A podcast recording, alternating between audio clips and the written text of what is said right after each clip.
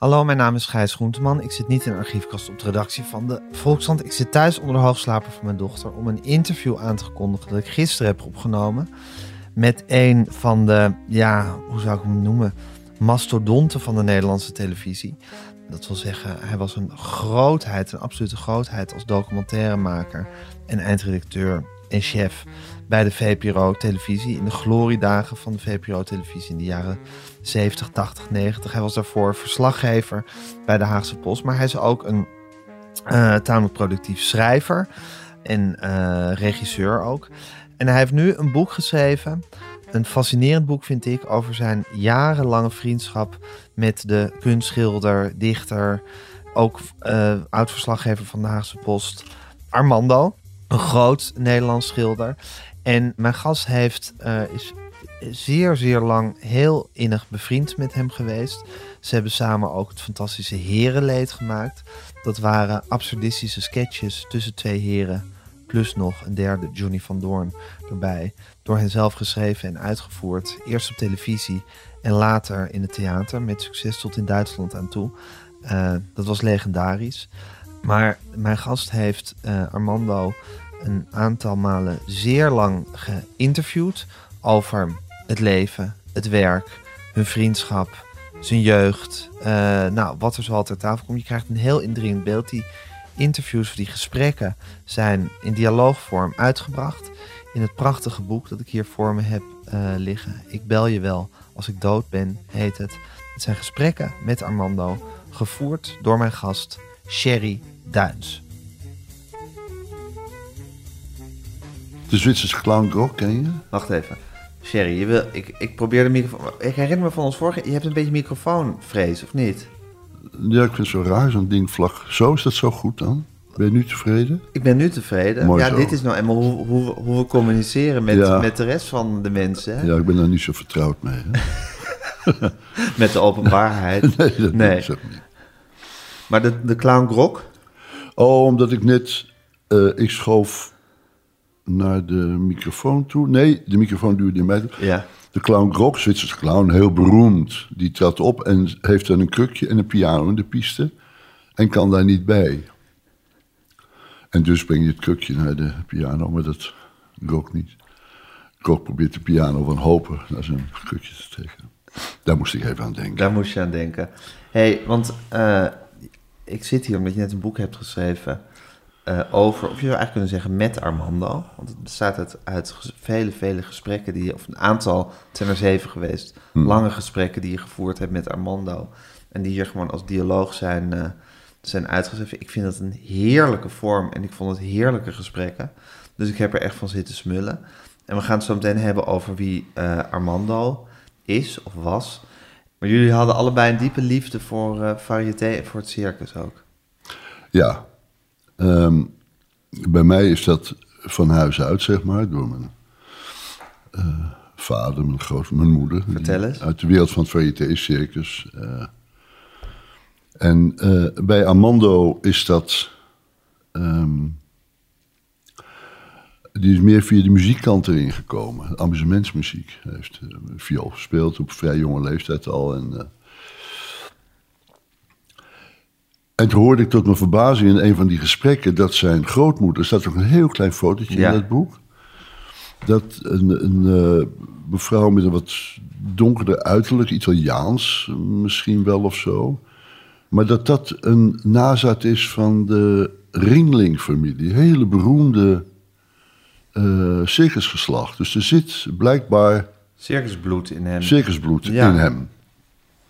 Dat, eh, onze passie daarvoor deelden wij. Die, eh, en hebben zelfs overwogen om... eh, toen werkten we beide nog bij de Haagse Post. Ja, Hij 15 jaar ouder, met al veel aanzien. En ik als een leerlingjournalist zou je kunnen zeggen. hebben we toch besloten om beide bij het circus te gaan werken.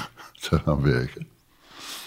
We waren veel op het terrein van Circus Sarasani. Die hadden een langere periode hier in eh, Amsterdam. En hadden eh, goede contacten met de diverse circusartiesten. Onder andere met de clown Walter Galetti, een briljante clown. En toen hebben we ook nog met de directie gesproken. Want Armando die zei, waarom gaan we niet circus in? En ik zei, ja, goed idee. Afhankelijk. Maar eh, sollicitatiegesprek gehad. Ja, moesten we, wat we dan wilden. Ja, we wilden een clownsnummer gaan beginnen. Maar ik heb het af laten weten. Ik had toen al twee kleine kinderen. En dat avontuur... Je was niet avontuurlijk genoeg om, uh, Nee, nee, nee. Dat leek mij niks. om het circusleven te gaan leiden. En nu vroeg ik aan hem, zou je het echt gedaan hebben? Want hij was volgens mij toen al een, eh, een nulkunst van de zero-beweging. Een Ja. nulkunstenaar. En, zei, ja, natuurlijk, avontuur. Avontuur. Ja. Dus vermoedelijk had hij het echt gedaan. Ja.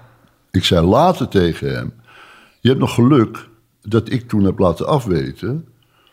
Want ehm, anders had je geen eigen museum gehad. En eh, al die, dat heb je allemaal tot op zekere hoogte aan mij te danken. Ja.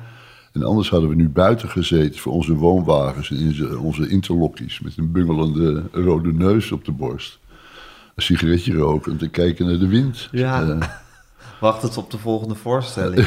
Ja. maar hij eh, had dat, zegt hij, echt gedaan. Of hij dat Wat voel je als je een circus binnenkomt?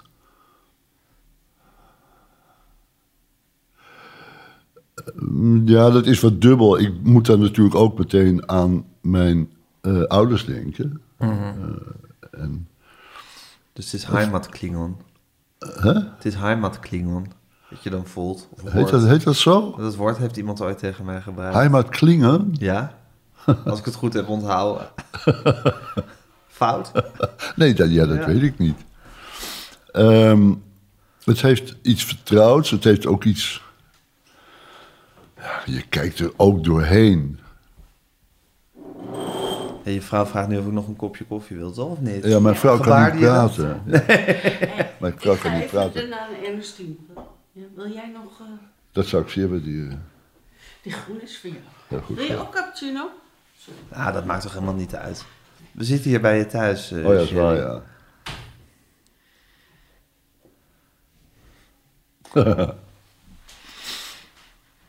ik, kijk er ook, ik kijk er ook een beetje doorheen.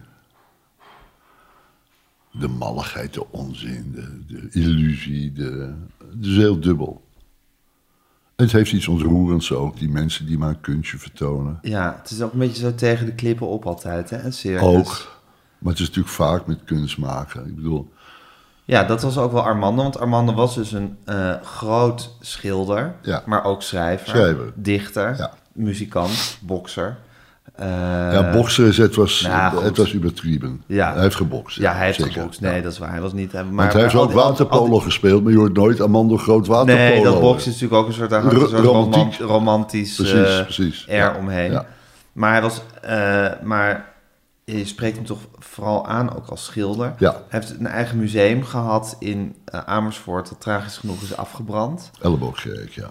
Ja, dat was een, er is veel van zijn werk verloren gegaan. Ja. Eh, Het ergste vond hij dat de bruikleengevers, dat Ja. die hun werk hadden. Dat vond hij oprecht vreselijk. ja, Dat zijn eigen werk verbrand was, dat kon hem eigenlijk niet zo heel veel schelen. nee. Daar was hij tamelijk nonchalant over. Ja, nou ja het, het nonchalante van Armando uit dit boek Hmm. vind ik toch ook een beetje bedriegelijk nonchalant. Want er spreekt ongeveer over alles. Ja, Doet hij nogal nonchalant? ja.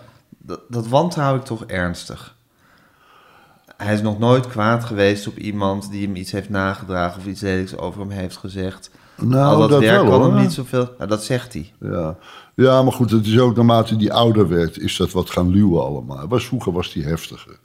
En eh, ja, ook een scène dat er, eh, in dat boek kan ik me herinneren, dat er enig onrecht ontstond tussen een fotograaf en een journalist. En dat de man er over het bureau heen sprong en meteen een beuk uitdeelde. Ik bedoel, het is niet zo dat hij... eh, Dat hij een lievertje was. Nee, absoluut niet. Nee. Nee, zeker niet. Nee, precies. Maar daarom die nonchalance is ook wel een beetje een... eh, nou, een pose is misschien niet een goede woord, maar een, Pose, overle- een overlevingsstrategie. Misschien, Laat ik het zo zeggen. misschien. Dat zou zeer wel kunnen. Het kan ook een overlevingsstrategie zijn om juist de heftigheid te, Ja. weet je, in, in, te, in, te, in te dammen. Ja. Maar ja, dat vind ik dus fascinerend. Dat je, dat je in die gesprekken, zal ik maar zeggen, zo onder zijn psychologie, in zijn psychologie kan proberen te kruipen. Ja. En te, te proberen te snappen, wat zegt hij nou eigenlijk? Of wat bedoelt hij nou eigenlijk? Of wat, wat gaat er achter zijn woorden eh, schuil? En dat is natuurlijk altijd mysterieus Alle, bij dat mensen. wou ik net zeggen, je kan Ja. het raadsel kan je niet, en het hoeft ook niet, volgens Nee. mij, eh, eh, verklaren of, of eh, oplossen. Het was altijd wel vanzelfsprekend. De dingen die. Niet omdat ik altijd meeboog of zo, of het altijd met hem eens was, zo is het ook niet. Je staat natuurlijk altijd wat zwakker als je zoveel jonger bent. Je trekt met een. eh, Ja, of sterker. of sterker. Het is maar hoe je het bekijkt. Nou ja, naarmate ik ouder werd en hij wat fragieler, Ja. eh, dan zie je dat die balans begint dan langzaam wat, begint dan weer wat eh, te veranderen. Maar ik was wel heel vaak, niet altijd, ik was wel heel vaak met hem eens. Of misschien aanvankelijk dan niet. En dan later gebeurde er iets waardoor ik dacht, ja, dit, misschien toch wel gelijk gaat of zo. Er zit toch wel wat in. Of wat voor soort dingen ging dat dan bijvoorbeeld? Nou, ik kan me herinneren, ik won bijvoorbeeld een keer een, eh, een prijs. Een, een kof of zo, weet ik het dergelijks. Een gouden kalf. En eh, dat zei ik tegen hem. En toen zei hij, ah, dat stelt allemaal niks voor, joh. En toen was ik, eerlijk gezegd, was ik wat gepikeerd. Ik dacht, nou, dat is toch... Ik heb hem niet opgehaald trouwens, hoor, het gouden kalf. Maar ik, Dat dan weer niet. dat dan ook weer niet. Dus je glom van trots, maar dat wil je ook weer niet tonen aan al die middelmatige Nee, mensen die eh, zich daar verzameld hadden in Utrecht. niet zo, niet zo zin in. Maar ik vond het toch, eh, ik dacht, hé, wat eh, onaardig nou, om dat zo te zeggen. En, eh, en later dacht ik, ja, natuurlijk, stelt allemaal niet zo heel, het is ontzettend aardig, maar het stelt allemaal niet zo heel veel voor. Natuurlijk stelt het helemaal niks voor. Nee, maar goed, het is dan toch, eh, eh, ja, Nou, wat het goede van Armando natuurlijk is, en wat, wat, wat ook eigenlijk uit bijna elke zin in dit boek spreekt, is dat hij het heeft over, nou laten we zeggen, het kunstenaarschap. Hmm. En dat is toch gewoon wat, wat het leven is. Hè? Je bent toch allemaal bezig met je eigen, eigen oeuvre bouwen op je eigen ja. eh, onbeholpen manier. En dat hij zegt, ja, wat er ook is, of dat werk nou afgebrand is of niet, of ik nou geld heb of niet, ik ga toch wel door met dingen maken. Wat er ook gebeurt, ik ga, toch, ik, ik ga gewoon wel weer dingen maken. Dat kan niet anders. En als ik, niet meer, als ik mijn armen niet meer kan gebruiken, ga ik het met mijn mond doen. Of Ja. dan, als ik geen verf kan betalen, dan Ja. neem ik een ballpoint Ja. of wat dan ook. Ja. Maar ja, dus, en ook als ik een slechte kritiek krijg of als ze me niet hoeven, ja, ik blijf toch wel dingen maken. Kritieken interesseerden hem, is mijn indruk. Kritieken interesseerden hem niet zo heel erg. Nee. Ehm, Maar dat vond- is natuurlijk wel een soort eh, verheven staat van zijn die je dan bereikt. Als nog positieve, nog negatieve kritiek. Want dan moet je ook zo groot zijn om positieve kritiek. je Ja, die vond hij vaak ook eh, heel pijnlijk. Als je, eh, Ja, maar dan moet je dan net zo onverschillig Ja. tegen kunnen zijn eigenlijk. Ik denk dat hij dat ook wel was. In ieder geval is geworden. Misschien later dat hij dat zo was. Maar die verbeterheid van het moeten maken van dingen, dat vind ik zo fascinerend. Ja. Dat zie je ook bij, bij eh, een schilder, Klaas Schubbels. Ja. 89, elke dag naar zijn atelier. Dat Ja. moet. Elke dag weer die koffiepot schilderen. En, eh, ja, of iets anders. Maar Toch wel vaak die koffiepot. mm, Nou goed, doet het niet toe. Maar in ieder geval dat, dat, dat het heet trouwens een ketel, hè? ketel. Klaas Die- spreekt over ketels. Die eh, verbeterheid om dingen te blijven maken. Om dat te moeten doen. Ja. Een soort houvast eigenlijk. Als je dat niet meer hebt, ga je dood, eh, wellicht. En wat ik bij Amanda zo interessant vond, was dat hij... Ik zie hem nog schilderen met een groot plamuurmes... met dikke, zwarte, papperige verf waar vogeltjeszand in verwerkt was. En dat kraste zo en met een plamuurmes over, over het linnen. En, en vol energie en bewegelijk. En, eh, eh, en dan zie je in de loop der jaren zie je hoe die geleidelijk aan, hoe die terrein gaat verliezen met zijn lichamelijkheid, om zo maar te zeggen. Dat hij de plamuurmes eigenlijk niet meer kan hanteren. En dan nog met een kwast. En dan Met kan zijn hij op een gegeven moment met de kwast. En dan gaat hij met zijn, met zijn vingers, zie je hem bijna, zie je hem die vingers zie je bijna de doek verdwijnen. Ja. Zie je- De verf masseren noem je dat geloof ja, ik op een gegeven ja, moment. is Ja. ook zo, ja. En dat, en dat, ja, dat vond ik echt fantastisch. En dat was geen... Ik bedoel, dat doet hij in de beslotenheid van zijn, van zijn atelier. Dat is niet om aandacht te trekken verder. Dat moest, dat Ja. moest, dat moest hij doen. En van wie en waarom? Niemand zit erop te wachten. Dat is natuurlijk heel vaak wat je met kunst hebt. Niemand zit er te wachten op. Nee, dat is wat, wat Armando zelf ook steeds Ja, zei. maar dat is ook zo. Van, ja, wie zit hierop te wachten? Ja. Ja, Maar, maar kan mij het schelen, zei hij, ik maak het toch. Ja, precies. Maar dat is dus, dat is dus, het, dat is dus die- het goede van hem, dat het een volstrekt Ja, eh, interne motivatie is. ja. Het heeft niks te maken met prijzen winnen, met Niks, kritiek niks, niks. krijgen, met Staat applaus krijgen, met, Nee, zelfs met geld verdienen. Nee. Geld puur functioneel, hè, Ja. om een huis te kunnen Ja. huren waar hij in Ja. Kan werken. Ja, wat dacht je van de gedichten die hij schreef? Dat, ja, dat, dat moest ook. En, en eh, dat waren geen grote oplagen, dat kan ik je verzekeren. En eh, dan belde hij me soms op en zei: Heb jij een afrekening van de uitgever gekregen? En dan zei ik: Ja, ik heb. eh, hoeveel heb jij? Ik, zei, ik heb geloof ik 68 euro. Zei hij dan. Ik heb eh, 124 of, of minder. En toen zei hij, je, je moet gaan schilderen, joh. Het levert niks op, dat schrijven. Dat is echt zonde van de tijd. Je moet, je moet gaan Ja. schilderen. Dan ging het dus opeens weer over geld. Ja. Wat ik interessant vind, is dat hij het in die gesprekken regelmatig over geld heeft. Ja. Hè, Dat, er, eh, dat geld belangrijk was. Maar geld niet zozeer belangrijk om het uit te geven aan een, eh, aan een luxe jacht met Nee. eh, een helikopter achterop. Helemaal niet. Nee, maar geld is dan...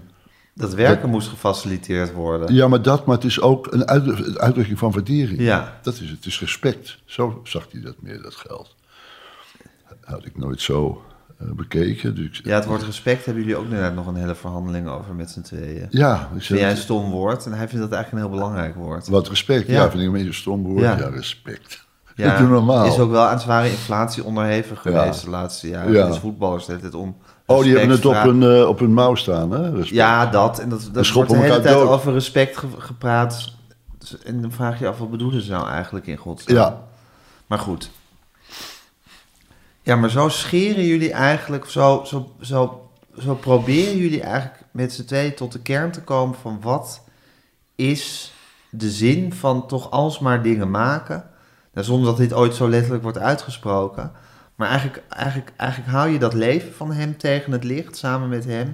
ja. En vraag je af, waar, waar zit hem dat toch in? Dat dat, dat, dat, dat dat machientje altijd maar moet blijven draaien. En hij heeft natuurlijk, wat mijn kinderen zouden noemen, wat jij meteen in hem gezien moet hebben, een- dat hij een OG was. Ken je Ja. dat OG? Een or- original gangster. Ja. Hij heeft echt zo dat, dat je denkt, dit is gewoon een soort, dit is echt een originele geest, deze man. Ja. Die heeft Ik- het van niemand geleend of afgekeken, die is het helemaal zelf. Ja, dat denk ik ook. Ja. Ja. Ik denk dat dat zo is. Eh, ik weet nog dat ik hem voor het eerst ontmoette. Toen werkte ik bij de Haagse Post eh, als factotum. En toen moest ik de post ophalen. En toen stond ik bij de balie. En daar achter de balie zat de oudere zuster van Sylvia Brandsbuis. Dat was de toenmalige hoofdredactrice van de Haagse Post. En de echtgenote van eh G.W. Hilteman. En die zuster heette Alma, een oudere mevrouw, heel zenuwachtig, veel sigaretten rokend. En daar stond ik mee te praten, misschien 19 of zo. En toen stormde er plotseling iemand binnen. En eh, die schreef iets met een balpen, zo'n blauwe big pen. eh, balpen, schreef hij iets op en zo. En ik keek naar die persoon.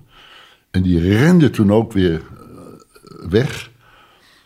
En toen zei ik, toen vroeg ik, wie, wie was dat? Wie was die man met die, met die enge ogen? Toen zei ze, dat was een man, dat was een hele lieve man. Zei ze toen. dat vond ik zo geestig. De eerste keer dat ik hem zag. En Dat was Armando. Dat was Armando. En je vond dat hij enge ogen had toen. Ja, enge diepliggende ogen. Valse, Ja. valse ogen. Wie is die man met die valse ogen, vroeg ik. Ja. Ja, Ja, maar hij een had ook wel iets wantrouwigs in zijn blik. Ja, had hij ook wel. Ja.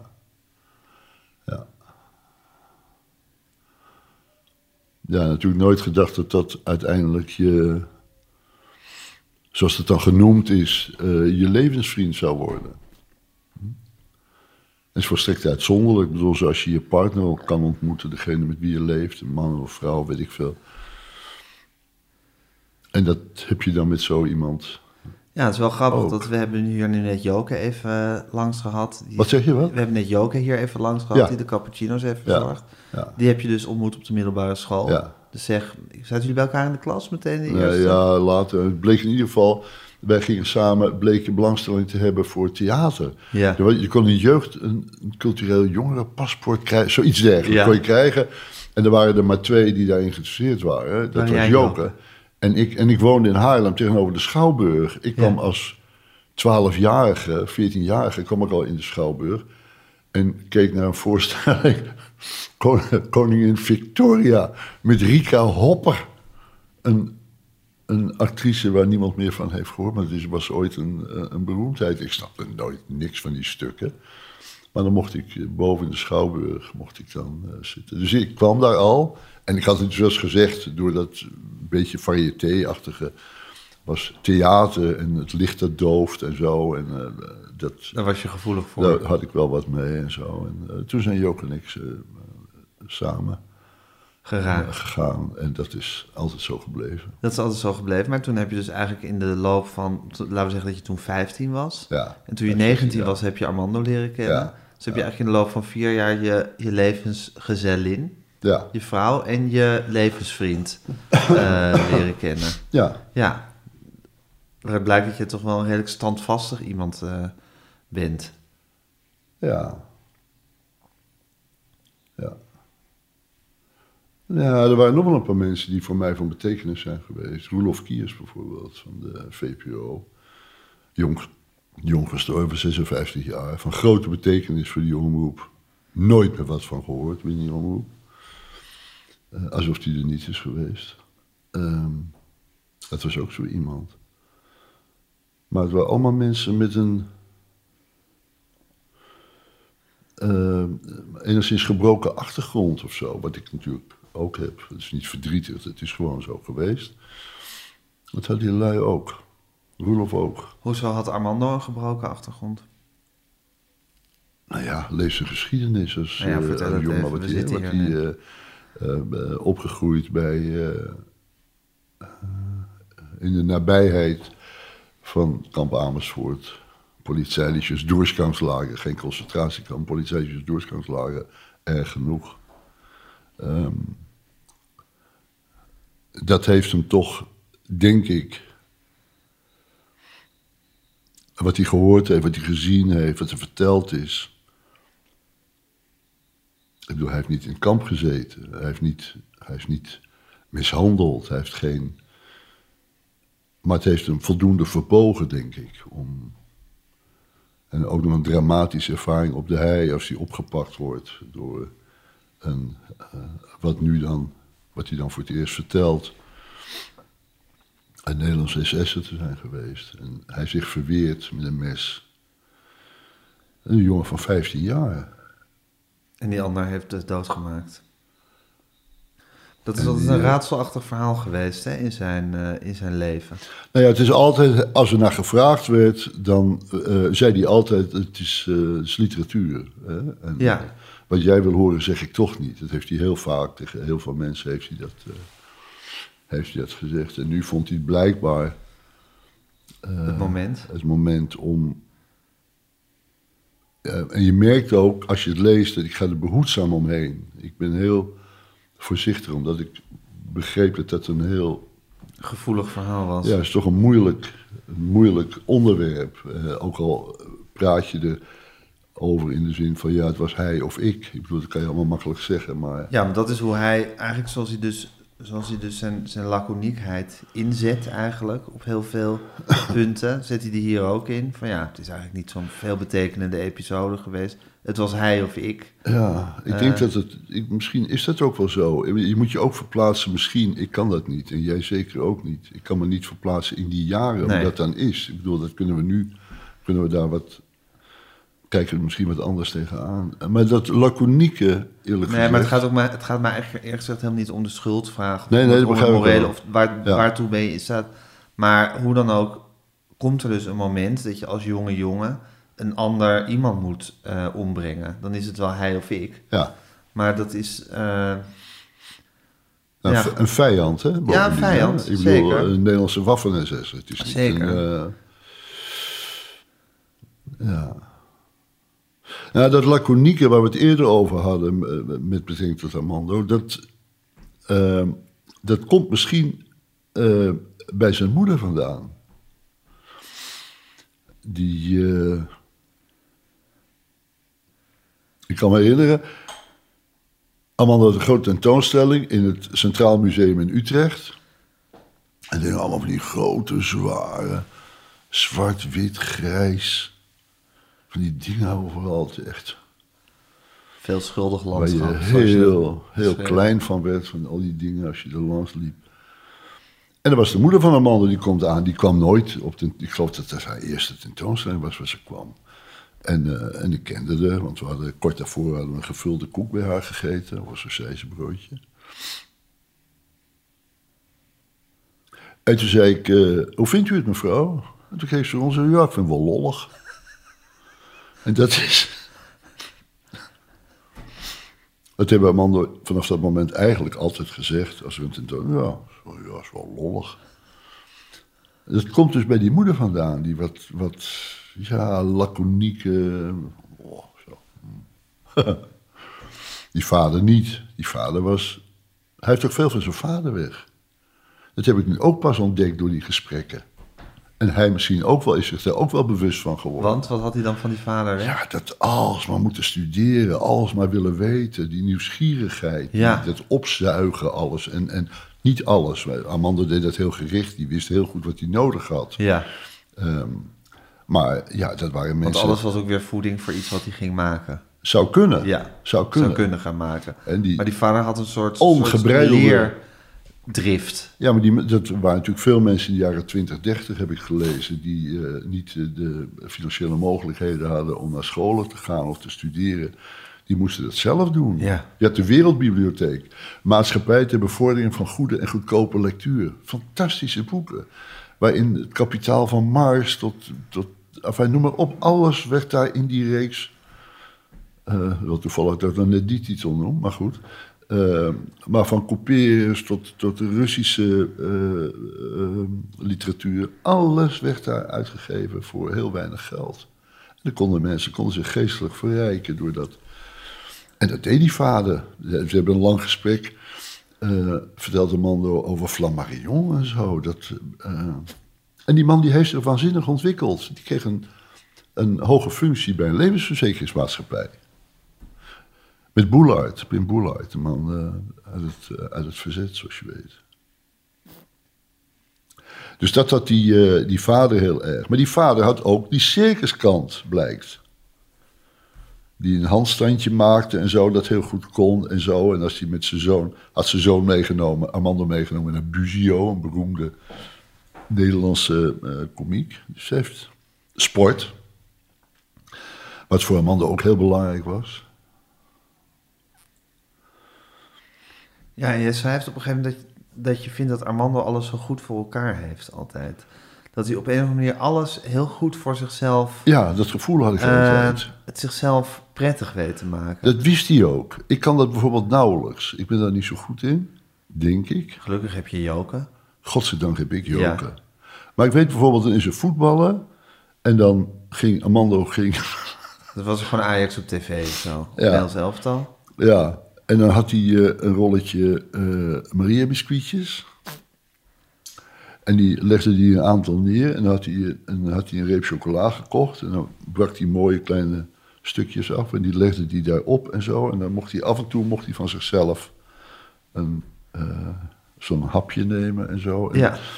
Meestal frat hij het meteen op, alles. Maar goed, eh, de, het voornemen was er en zo. En- ja, in ieder geval was hij dus... Maar dat verzon hij dus, dat deed hij dus. Ja, Hij smeerde ook wel boterhammetjes voor mij.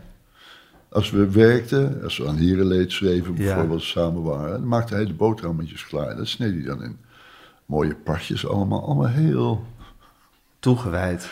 toegewijd. Ja, ja maar je, wat je ook van hem kan zeggen, hij was inderdaad wel toegewijd aan het leven.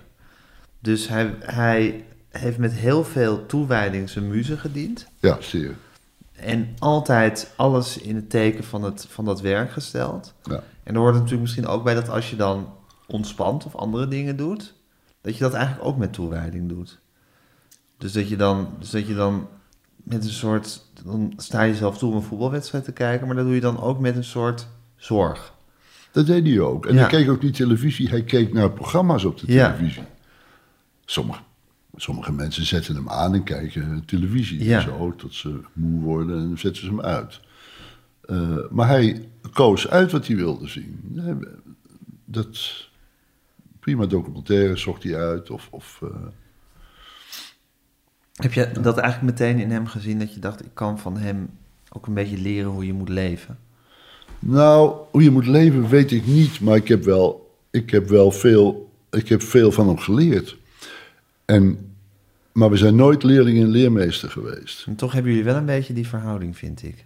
Ja, dat vind ik eh, niet eerlijk gezegd. Nou ja, goed, misschien is dat ook door de vorm al- van deze dialogen waarin jij hem toch aan het interviewen bent. Ja, maar ja. Maar ik vind niet. Vind je, het- vind je interviews? Ik vind meer gesprekken. Nou, dan als, als, het, als het gesprekken zijn, vind ik jullie niet leer, leer, leer, leraar en leerling. Nee. Maar wel, dan is het wel overduidelijk dat hij de oudere is.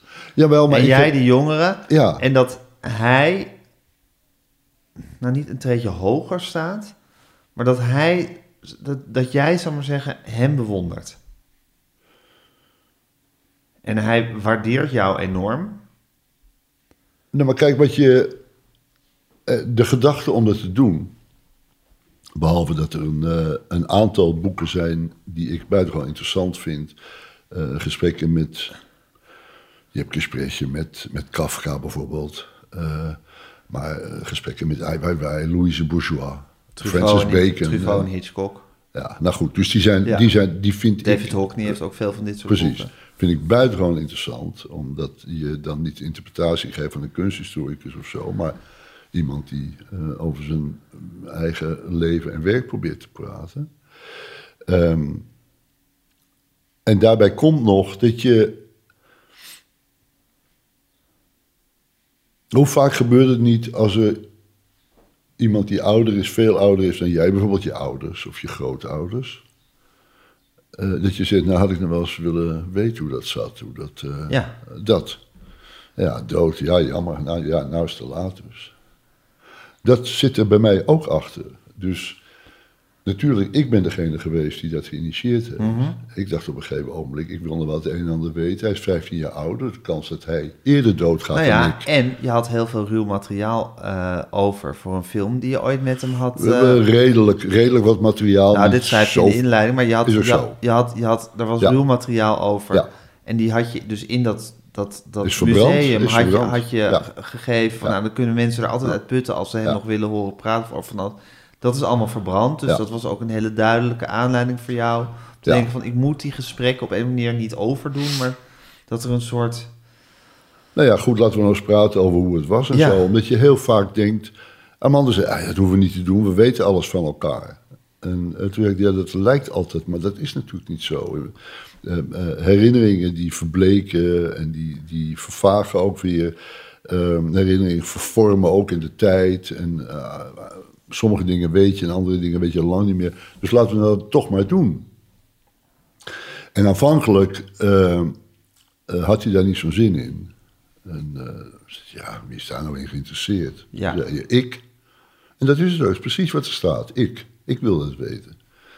En, en maar naarmate het vorderde, want het is over een periode van zes, zeven jaar, die gesprekken, ehm, begon hij toch de zin of de aardigheid ervan in te zien en zo. En zei hij ook, wanneer gaan we weer eens praten, joh? Dat, eh, zo, in die zin. Dus natuurlijk ben ik degene die. die eh, ik heb dat ondernomen, Ja. natuurlijk. Eh, en dus stel ik ook de vragen. En, en, Oké, maar, jij, Maar voelt, het- jij voelt helemaal niet dat jullie in je vriendschap op een of andere manier dat jij de jonge en wat meer bewonderende partij was. nou, helemaal niet, dat kan ik niet zeggen. Nee, ik heb wel ik heb grote bewondering voor Armando. Ja, Maar niet vanuit een laten we zeggen, dat ik vanaf mijn hurken naar hem keek. Nee, dat zeg ik ook helemaal niet. Nee, dat begrijp ik niet, maar dat zeg ik dan even. Ja. Dat dat dus niet zo is. Dat, Nee. Absoluut niet. Zo was onze verhouding niet. Zo was onze verhouding bij Herenleed ook. We hebben 25 jaar samengewerkt. Ja.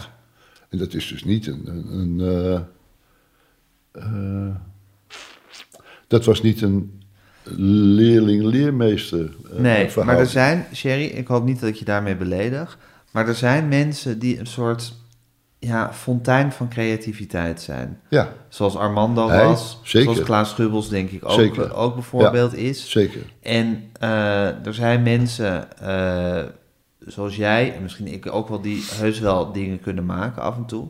Maar die vooral misschien ook het talent hebben om daar ook dat met enige bewondering gade te slaan. Ja, maar daar beledig je niemand mee. Dat is er ook niks mis mee. Is Ja, dat maar het is toch, maar ik bedoel, het is toch gewoon waanzinnig om gewoon zo iemand een leven lang te aanschouwen en te zien hoe, die, hoe, dat, hoe dat scheppende Tuurlijk. er alsmaar uitkomt. Tuurlijk, dat is ook zo. Maar dat gevoel van bewondering, als je het zo wil noemen, dat, heb ik, dat, had, dat had ik ook ten aanzien van Rijnbert de Leeuw. Ja, Of dat heb ik ook gehad ten aanzien van, van eh, Harry Mulisch. Of de Duitse schrijver Walter Kempowski. ja, alleen met Armando had je toevallig ook nog eens een hele, hele diepe vriendschap. Een diepe vriendschap. Daarbij. En bovendien, onderschat het nou niet, die samenwerking. Ja, herenleed. Herenleed, we hebben, Ja, samen, dat was iets fantastisch. we hebben samen stukken geschreven. Ehm, we hebben samen een grote film gemaakt, eh, De Gedaanteverwisseling. Dus we deden ook dingen, Dingen samen. samen. En daar was helemaal geen sprake van eh, hij hier en ik daar. Nee. Dat is, is het niet. Wat niet wegneemt, dat ik grote, bewo wel grote ja, ik bewondering voor Ik hem snap heb. het. Begrijp je? Ja. Nee, want anders zou het. Dat is de toon ook niet. Dus de toon Nee. ook niet van het boek, hè? Nee, maar ze, Nee, maar goed, als mensen. Jij hebt het gelezen, maar als Ja. mensen het horen, denken ze misschien. Oh ja, een- hij heeft een interview gemaakt met Amando. Maar zo is het natuurlijk helemaal niet. Wat, wat is een vriendschap eigenlijk, eh, Sherry? Het is toch een wonderlijk iets, hè? Het is zo gek met een verkering of met liefdes. Die, kan, die beginnen heel duidelijk en die kan je heel duidelijk, heel, heel helder beëindigen ook weer. Hoe pijnlijk dat vaak ook is. Maar zo'n vriendschap is zoiets wat, wat erin sluipt. Ja, joh, hoe moet je dat moet definiëren. En wanneer is er sprake van vriendschap? Ja, Ik had bijvoorbeeld gevoelens van vriendschap. Ik denk dat het over en weer was met Gerard Deurlacher. Dat zijn de mensen die je op latere leeftijd ontmoet. En tijdens het maken van een film. En eh, soms trek je een periode met mensen op en dan is de film gemaakt of zo, of het verhaal is geschreven en dan houdt het op en dan denk je nog met enig genoegen aan. eh, ja. maar bij anderen blijft het, blijft het aangenaam om met elkaar te praten of elkaar te ontmoeten. Of, eh, dat had ik met Gerard Deurlacher. Meestal belden we, elke zondag belde Gerard op. En Gerard die had ook nog een korte periode medicijnen gestudeerd. En dan, als hij dan hoorde dat ik enigszins nasaal was, dan kreeg ik meteen allerlei eh, medicinale tips van Gerard. Maakte zich meteen grote zorgen. Ja, Gerard Deurlacher was een schrijver en concentratiekamp overlever. ja. Daar schreef hij Een streep over. aan de hemel. Streep aan de hemel. En eh, ja, dat is ook iemand die mij zeer, zeer, zeer dierbaar was. En die belde dan elke zondag. We belden elke zondag. Ik geloof ook wel dat jij heel goed bent in het, in het soort in stand houden van vriendschappen. Want we hadden het net over Klaas Schubbels. We zeiden van, daar bel, bel ik elke dag even mee. Nou, voor twee dagen wel zo'n beetje. Gisteren Klaas nog gesproken, ja. Ja. Ja, ja. maar dat, er zit, je, je hebt daar ook wel een soort ijzeren regelmaat die je daar dan in kan vasthouden. ja. Ja, of Klaas belt mij. Ja, dan zit hij op het atelier en dan weet hij niet. Ja, dan zegt hij, ja, ik weet even niet. Ik zit een beetje in een dip. Nou, dan praten we een kwartiertje en zo, een beetje lachen. En dan eh hebben we het weer gauw even over de Ramblers of over iets anders. Of een moeilijke stoelgang. En dan eh, een schaterlach. En dan, eh, En kan dan weer door. En dan weer door, zo een beetje. Dat. Ja. Ja. Ja, ik heb veel oude vrienden en helaas... ja, maar volgens mij, want, want eigenlijk die vrienden die je nu net noemt, die komen eigenlijk in dit boek allemaal ook wel weer voorbij. Omdat je ze dan af en toe citeert, bijvoorbeeld, of als voorbeeld aanhaalt voor iets. Ja. Dus volgens mij zie jij jouw vriendschappen ook wel als een soort, ja, waardevolle pilaren, soort zuilen in je leven. Is ook zo. Ja, Gerard zei, je moet je zien te omringen met een aantal rechtvaardigen. Nou zei hij dat vanuit een hele andere geschiedenis, namelijk een 14-jarige jongen in Auschwitz. En dan eh, eh, wat je gezien en gehoord dan hebt. wordt je vertrouwen de mensheid wel erg op de proef hoe je, hoe je in de steek bent gelaten en, enzovoort. Dat, dat, eh, dus dat, daar ben ik me volledig van bewust. Maar het is wel een beetje zo. En, dat, en als je ouder wordt en zelf dichter eh, naar, die, eh, naar het einde opschuift, dan heb je steeds meer dierbaren die, die wegvallen. Je uitzicht, je omgeving begint te veranderen. Amanda zei, dan moet je jongere vrienden nemen, man. Dat heeft een opmerking voor hem. Ja. Nou, ik heb een poosje rondgehangen bij kleuterscholen, maar dat viel niet zo goed. Daar ben ik me mee opgehouden. Ja. Hoe vind je dat al die mensen doodgaan? ja, dat vind ik dus buitengewoon pijnlijk, moet ik zeggen. Ja. Ik heb er moeite om ze te verwijderen uit mijn, eh, Telefoon. uit mijn telefoon. Ik heb net die Roosevelt, een goede vriendin, heb ik eh, nog wel eens, eh, drie jaar later, nog wel eens gebeld. En toen ze die opnam, dacht ik, ja, dan moet het er nu toch maar, het nummer nu toch maar wegdoen en zo. Ach ja, nou ja, het is zo. Ik bedoel, het is... Kan je daarop voorbereiden, op die kaalslag om je heen, die, die gaat plaatsvinden, tenzij je zelf de eerste bent die gaat? Ja, je moet zo, waar kijk je toch steeds? Ik zie dat je blik gaat weg. Ik kijk heel even naar die, ik keek even naar die, naar welke uitgave van Frans Kafka dat is die daar staat. Oh, die mooie uitgave. Die, Ja, met die eh, tekening voor. Ja, die is prachtig. Ik kijk even naar die boekenkast. Die is net nieuw, ja. Nee, ik dacht dat je... Daar ligt namelijk de originele partituur van Rijnbert van de Matthäus. Ach, Ik dacht dat je nee, daar daar naar keek, nee, die had ik nog niet eens. Die had ik nog Het niet interessante van die partituur is... Ja, Die moet liggen, als je hem rechtop zet... dan valt er minstens één pakje check uit. Er zit in de naden van elke pagina zitten tabakskruimels. ja. Dus Jij hebt een fantastische film gemaakt. eh, en concertregistratie trouwens. In, een, in een zeer goed verkochte DVD-box nog altijd te, krijgen. Ja. Ik denk dat een van de weinige DVD's. ja, van de afgelopen tien jaar is die nog echt goed heeft verkocht. Onder liefhebbers. Ik denk het, ja. Dat is, dat is, en dat is een film over hoe Rijmer de Leeuw, die toch groot is geworden een beetje in de moderne muziek, Ja, eh, hoe die op zijn heel oude dag zich terugkeert. ertoe zet Ja. eh, om de Matthäus Passion eh, Ja. te, gaan, te gaan dirigeren. En dat, dat volg jij, dat proces. ja. En het gelukkige toeval wil dat je toen ook eigenlijk voor die film, maar ook de, de hele uitvoering hebt, hebt geregistreerd, die werkelijk prachtig is. Eh, dus dat is een... Nou, het Rijnbert gevraagd, hè? ik wilde dat niet. nee. Ja, Ik was met die documentaire film bezig. En toen zei Rijnbert, als je er toch bent, waarom neem je het niet op? Ik zei, ik vind het zo saai, registratie, ik moet niet aan denken, bah. Eh, zeker als het door een muziekregisseur gebeurt, want dan is het allemaal precies op tijd, allemaal eh, snappy en goed gedaan. En, Ja. bah. Ehm, en, eh, maar hij bleef aandringen. En toen heb ik het uiteindelijk heb ik het toch gedaan. Ja. En ik was dankbaar dat hij zo gepusht heeft. Ja. Ik heb het gedaan toen met behulp van negen, acht of negen camera's in de Nieuwe Kerk in Amsterdam.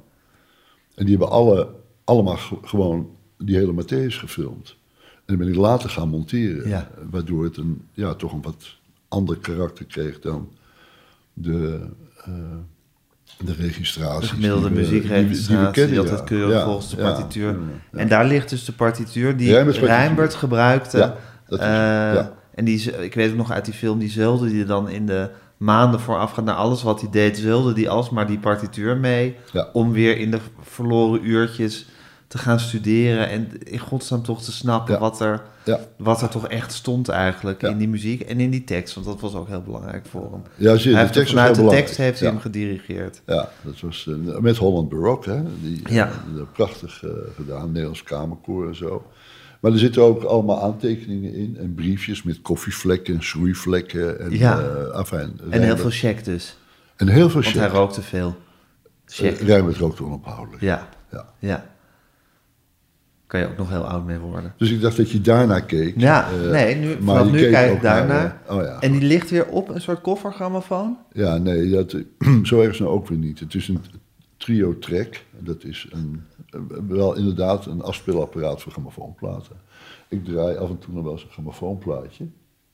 En die draai je op dat eh, apparaat. Die draai ik op dat apparaat. Het geluid is heel acceptabel. Het is niet briljant. Het is niet digitaal of... of eh, maar het heeft iets gezelligs. Ik oude tangoplaten. Oude tangoplaten. Ja. En we hebben dus, daar ligt dus Rij- eh, een, een, een herinnering aan Rijber, Rijbert. Hier hebben we Armando. Ja. Nou, Klaas Schubbels leeft gelukkig eh, Ja. als een dolle. Ja. Die spreken nog na. Nettie Roosevelt is ook dood. Maar dat zijn natuurlijk allemaal de mensen, dat, zijn de me- dat, dat is een aantal mensen dat jouw leven kleur heeft gegeven. Ik denk het wel. Wonderlijkerwijze ook Harry Mulisch, terwijl ik die niet zo vaak zag. Maar Was dat een vriend van je? Ja, vriend, wil- dat denk ik niet.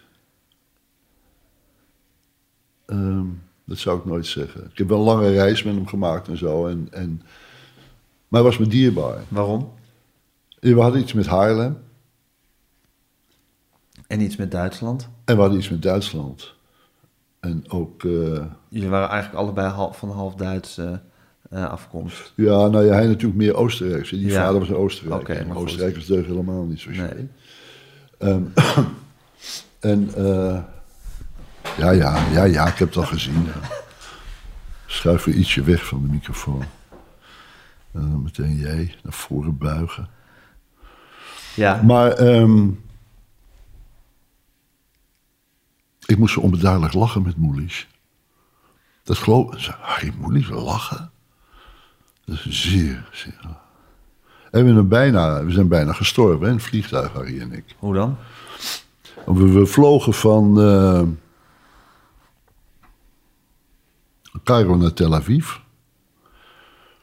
Het was midden in de nacht en alle mensen, veel mensen, die eh, hadden hun ogen toe en die luikjes in zo'n vliegtuig naar beneden. En Harry had het luikje open aan zijn kant. Hij droeg een wit Lacoste shirt en ik een zwart Lacoste shirt. We zaten naast elkaar. Ik zat wat te lezen, geloof ik. En plotseling voelde ik Harry's warme hand op mijn arm. En ik weet dat ik dacht, hé, hey, dat klopt niet helemaal. Dat is niks voor moeilijk om een man zo aan te raken. En toen kijk eens naar buiten. Ik keek naar buiten en toen kwam er uit de motor een vlam van 2, 2,5 meter. Die wapperde zo in de nacht. Ehm, toen heb ik de purser geroepen, die kwam aanzetten van de El Al. En die keek even naar buiten en ik zag hoe het zweet uit zijn brillantine voorhoofd wegzakte zo. En zei, oh, that's perfectly alright. en dat, dat leek mij nou niet. Dus die ging naar achter als een, eh, als een dolle dries telefoneren met de captain. En, eh, en toen schreef ik een afscheidsbriefje aan Joke. Dat de kans daar was dat we zouden omkomen. En Harry zei toen, oh, een goed idee. En Harry schreef toen ook een briefje aan eh, zijn toenmalige echtgenote nog.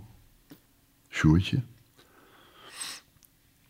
En zo zijn we uiteindelijk geland, zoals je begrijpt, op, eh, op Tel Aviv. Ze hebben die vlam naar binnen gezogen of minder vermogen, weet ik het en zo.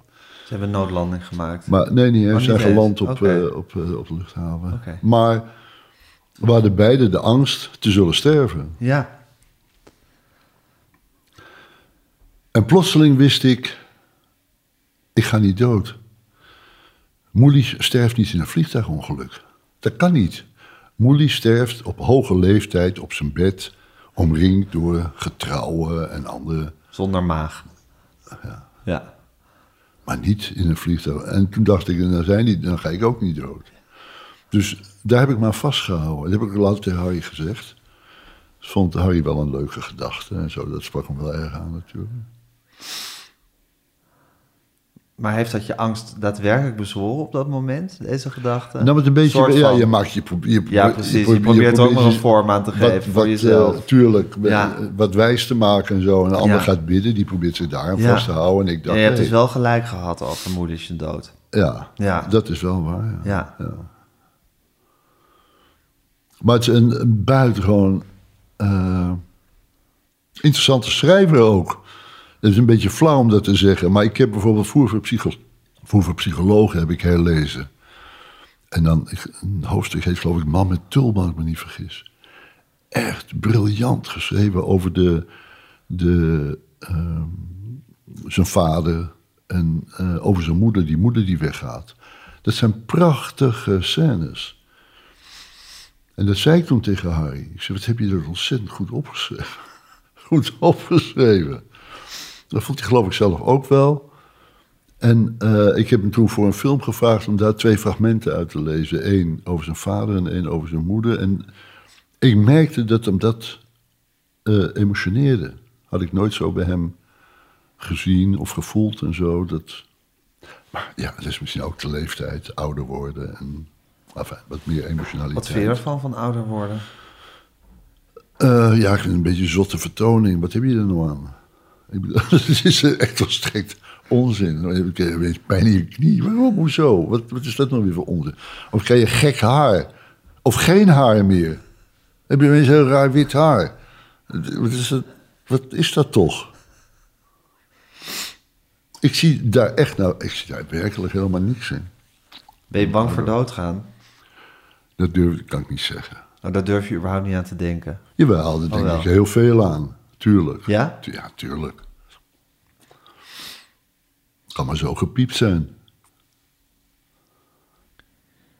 Kan je er kwaad over? Of Nee, er- helemaal niet. Nee. Nee, maar over dat Armando dood is.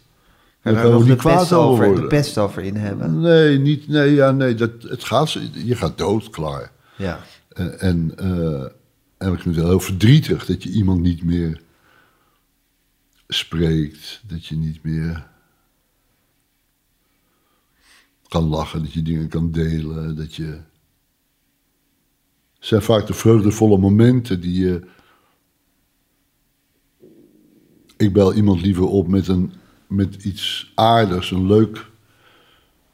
Iets aardigs dan met iets onaangenaams. Ja, je zei voor net mezelf. dat we gingen opnemen dat je dan bijvoorbeeld net hier een documentaire over Auschwitz had gezien die je zeer was bevallen. Ja, En dat, dat was normaal gesproken onmiddellijk een aanleiding geweest om Armando te bellen. Precies. Om dat even door te Heb je die gezien? Heb je hem niet gezien? Moet je proberen in te halen. En eh, zo. eh, dat. Ja, dat, dat valt.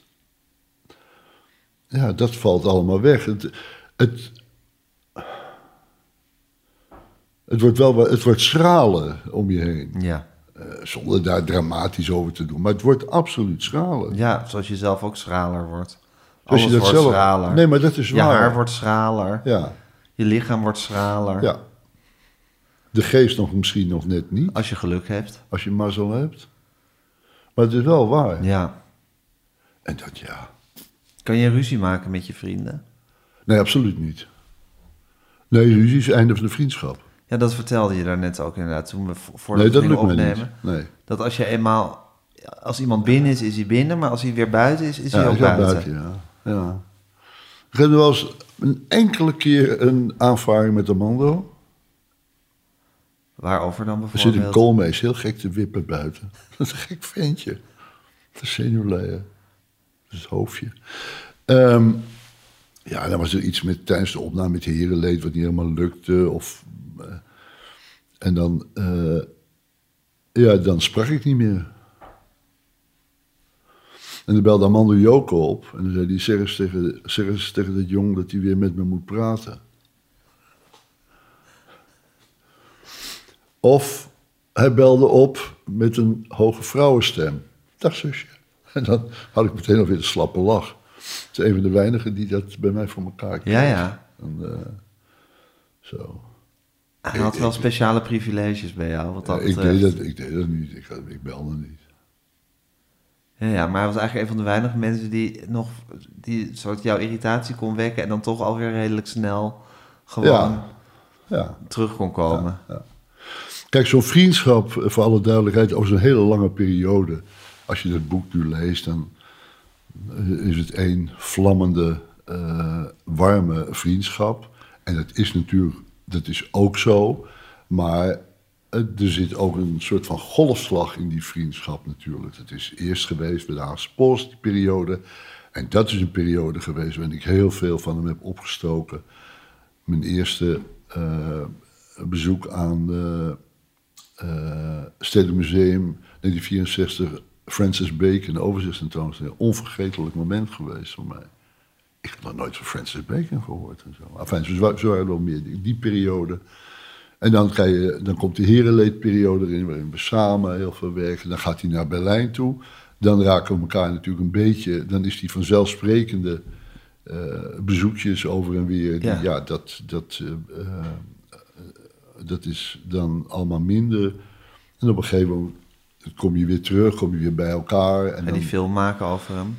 Veel maken. Ja, is ook nog gebeurd. Ja. Ja. En dan. eh, dus ja, het is niet een, een, een constante, eh, intense Nee. samen zijn geweest. Dat is natuurlijk onzin. Eh, er zit, zoals gezegd, daar zit die golfslag in. Ja. En, zo. en zeker de laatste jaren waarin Armando wat, Armando wat eh, ehm, Hulpbehoevender werd. ja, ja. Ja, werd het wat, eh, weer wat intensiever. We gingen de laatste jaren gingen we ook gevieren op eh, vakantie. Het woord vakantie mocht je bij Armando niet zeggen. Nee. Hij ging altijd op reis. Ja. En, eh, maar het wel het, eh, het Donald Duck vakantieboek, dat nam hij dan weer wel Echt? mee. Ja, dat mocht wel, ja. Ja, we de Wat avonturen... zat hij dan te doen in Donald Duck vakantieboek? Die puzzels te maken of niet? Nee, eh, de avonturen te lezen van, eh, van Donald, Donald. Duck en eh, Guus Geluk, daar hadden we het vaak over. En eh, vooral de zware jongens. eh, de avonturen van de zware jongens. Daar was hij fan van. Van de Donald Duck is zijn leven lang is hij, eh, abonnee geweest van de Donald Duck. Dus hij las Keats en, en, en, de. Donald Duck. Kan je slotte nog even vertellen over Herenleed? Het was toch iets heel wonderbaarlijks wat jullie deden met z'n drieën eigenlijk. Johnny van Doorn. We hebben Johnny erbij bij. gevraagd. Ja, Johnny echt... eh, eh, En dat waren hele absurdistische dialogen. Ja, er komt af en toe heb je van die, die aanzetten van die dialogen. Die ja, het ontstaan zit hier bijna doorheen. Dat ontstaat af en toe. Ja, ik heb dat jullie is, toen gezien in de kleine komedie. Dat Ja. heeft een grote indruk op me gemaakt. Ik had dat boek ook. ja, dat is die melancholie en dat gevoel voor vergankelijkheid. En dat wat, het is ook zoiets wat wij natuurlijk.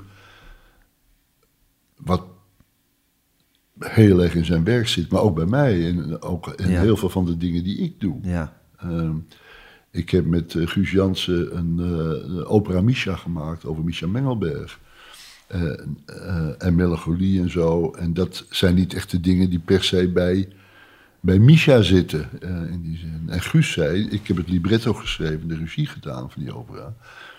Die zei, het rare is, als jij, nu jij ermee bezig bent, er, er sluit meteen iets van melancholie in. En daar kan ik niks aan doen, dat, dat verzin ik niet of zo. Nee. Dat is blijkbaar, dat zit in mijn adem, Ja. in mijn ademhaling. Want dat deelde hij, Amanda en ik natuurlijk ook. En dat is herenleed geworden, uiteindelijk. waren losse scènes aanvankelijk, als we gingen wandelen tussen de middag. Toen we nog eh, bij de Haagse Post werkten.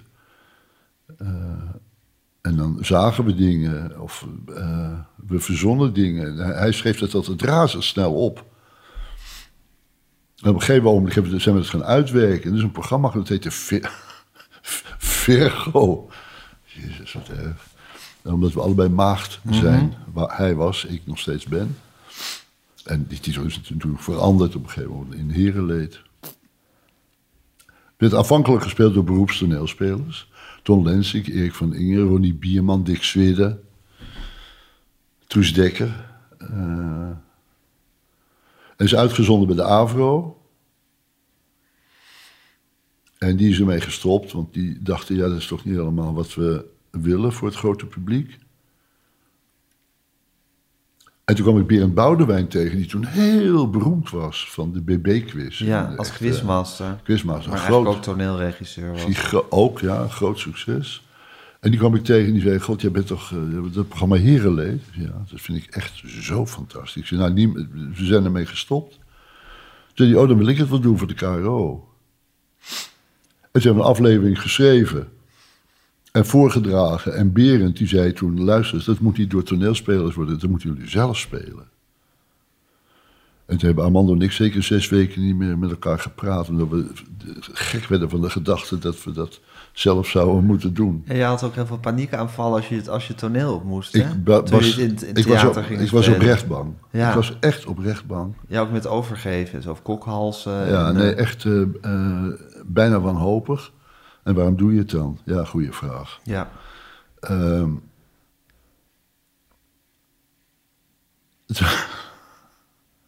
ik heb een keer uitgeroepen. Toen stond ik met die stomme hoed en die sik en die snor. Ik had een soort Strindberg-snor, die ging Ja. omhoog. ja.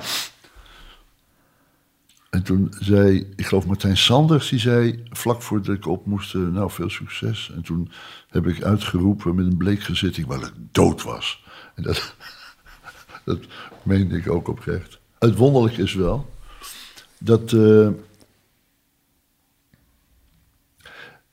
als je tussen die coulissen staat, in die, zeg maar, die kleine schemering, dan ben je als de dood, tenminste ik, en je doet een stap naar voren, je stapt in het licht en het vloeit weg. Daar verloor ik mijn, eh, daar verloor ik mijn angst. En deed ik het gewoon. Alsof het zo was. Alsof dat de wereld was daar. Met en anders kan je het ook niet doen natuurlijk.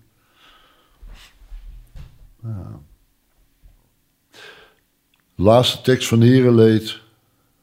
Dat heb ik ook als motto gebruikt voor dit boek. Amanda vraagt dan... Alles wat geweest is. Kwam dat? En zeg ik, ja, dat kwam. En als het kwam, komt het dan niet meer? Dan zeg ik, nee, het komt niet meer. Dat is hier leed en voeten uit. ja. En dat is het leven, hè? Hm? En zo is het leven. Ja, heel goed, Gijs. Zo, Ja. zo is het leven. Ja.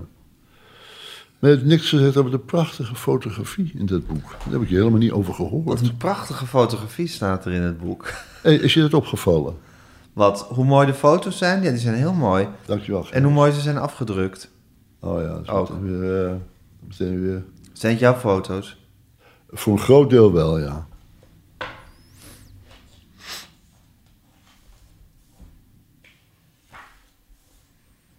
Tja.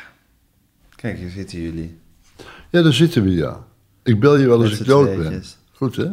Dat is in Potsdam, zit je weer te bellen. En een van de laatste foto's is in, eh, in een van die kleurkaternen. Daar zit hij ook weer te bellen in Amstelveen. Ja. Die ja, ja. Een hele kenmerkende foto. Ja, dit is hem ten voeten uit. Zo, ja, zo was wel, hij. ja. ja, zo zit hij, zo, zo hem zitten, ja. Schuin boven zijn hoofd staat een roman van mij, die Chinese knoop, zag ik. Tja. Ben je blij dat je hem gekend hebt, Jerry? Ja, is heel Anders waardevol. had je een ander leven gehad, hè? Mm, waarschijnlijk wel, ja. Ja. Heel waardevol geweest. Heel waardevol. Eigenlijk zou iedereen moeten leren om zijn vriendschappen te eren, hè? Ja. Heb jij zulke vrienden dan? Heb jij zo iemand? Ja, ik vind het eigenlijk heel dom om te vergelijken. Maar ik heb ook wel vriendschappen die al lang meegaan. Ja, ja. Maar ook mensen die van betekenis voor je zijn. Dat is wat ik bedoel. En van wie jij mag hopen dat jij van betekenis bent voor. Daar ga ik eens even rustig over nadenken, Sherry. Oh, lafheid. Dus geen antwoord geven. Dank, Nou je, ja. dank je wel. Oké. Voor dit boek ook, waar ik heel erg van genoten heb. Ook van de prachtige fotografie trouwens die daarin staat. Ja, Mag je daarvoor complimenteren? Ja, dat vind ik ontzettend aardig van je dat je dat doet. Dit was Met Groenteman in de Kast met Sherry Duins. Mijn naam is Gijs Groenteman. Ik maakte deze podcast samen met Tamer Bot en Fanny van der Rijt. Eh, Daan Hofstee zorgde ervoor dat alles netjes in uw oortjes terecht kwam. Corine van Duin deed de eindredactie. Uh, u kunt ons mailen als u dat wil, podcasts.volkshand.nl. U kunt ons uh, volgen op Instagram, @metgroenteman. Beluister ons op alle mogelijke manieren via alle mogelijke podcastkanalen. En geef ons toch vooral lekker veel sterretjes.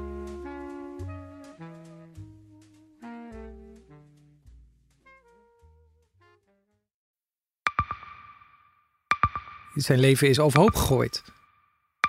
Plus dat heel veel mensen hem niet geloven. Vrienden niet, die, die denken, ja, hij is gewoon gek geworden. Hoe naar moet dat zijn?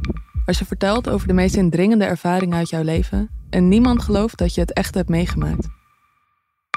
Ja, ik vind zelf niet dat ik het verzonnen heb, maar sommige mensen denken dat wel. Maar hoe kom je erachter of jij het doelwit bent van een geheime dienst? Ik heb ook wel eens meegemaakt dat je het idee hebt dat inlichtingendiensten in je geïnteresseerd zijn. En dan kun je wel heel veel zien, wat er misschien helemaal niet is. Als ik s'avonds nog iets ging eten, dan volgden die mensen mij naar het restaurant. En dan terug van het restaurant naar het hotel. Als zij op een gegeven moment zei, kijk maar uit, want anders word je dadelijk nog voert ook. Shit, ik moet hier weg. Dat is, dat is niet goed. Nu word ik gevolgd. Een soort Truman Show is het gewoon. Hè? Alsof dat hele straatbeeld voor jou is ingericht. Maar dan wel met bedoeling ja, jou niet door te laten. Dit kan geen toeval zijn. Een nieuwe podcast van de Volkskrant. Mijn naam is Simone Eleveld en samen met Huid Modderkolk ontrafel ik een bizarre operatie van de geheime dienst. Wat het doel ook is, jij verliest het. Ik werd opgepakt, heel lang ondervraagd.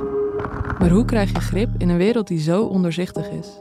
Als je zou liegen, dan zou je niet de meest relevante informatie twee jaar later tussen neus en lippen doorvertellen. Er zal nooit iemand zeggen: Oké, Bart, ik geloof je. Nooit, nooit. Dit kan geen toeval zijn. Vanaf 3 oktober bij de Volkskrant.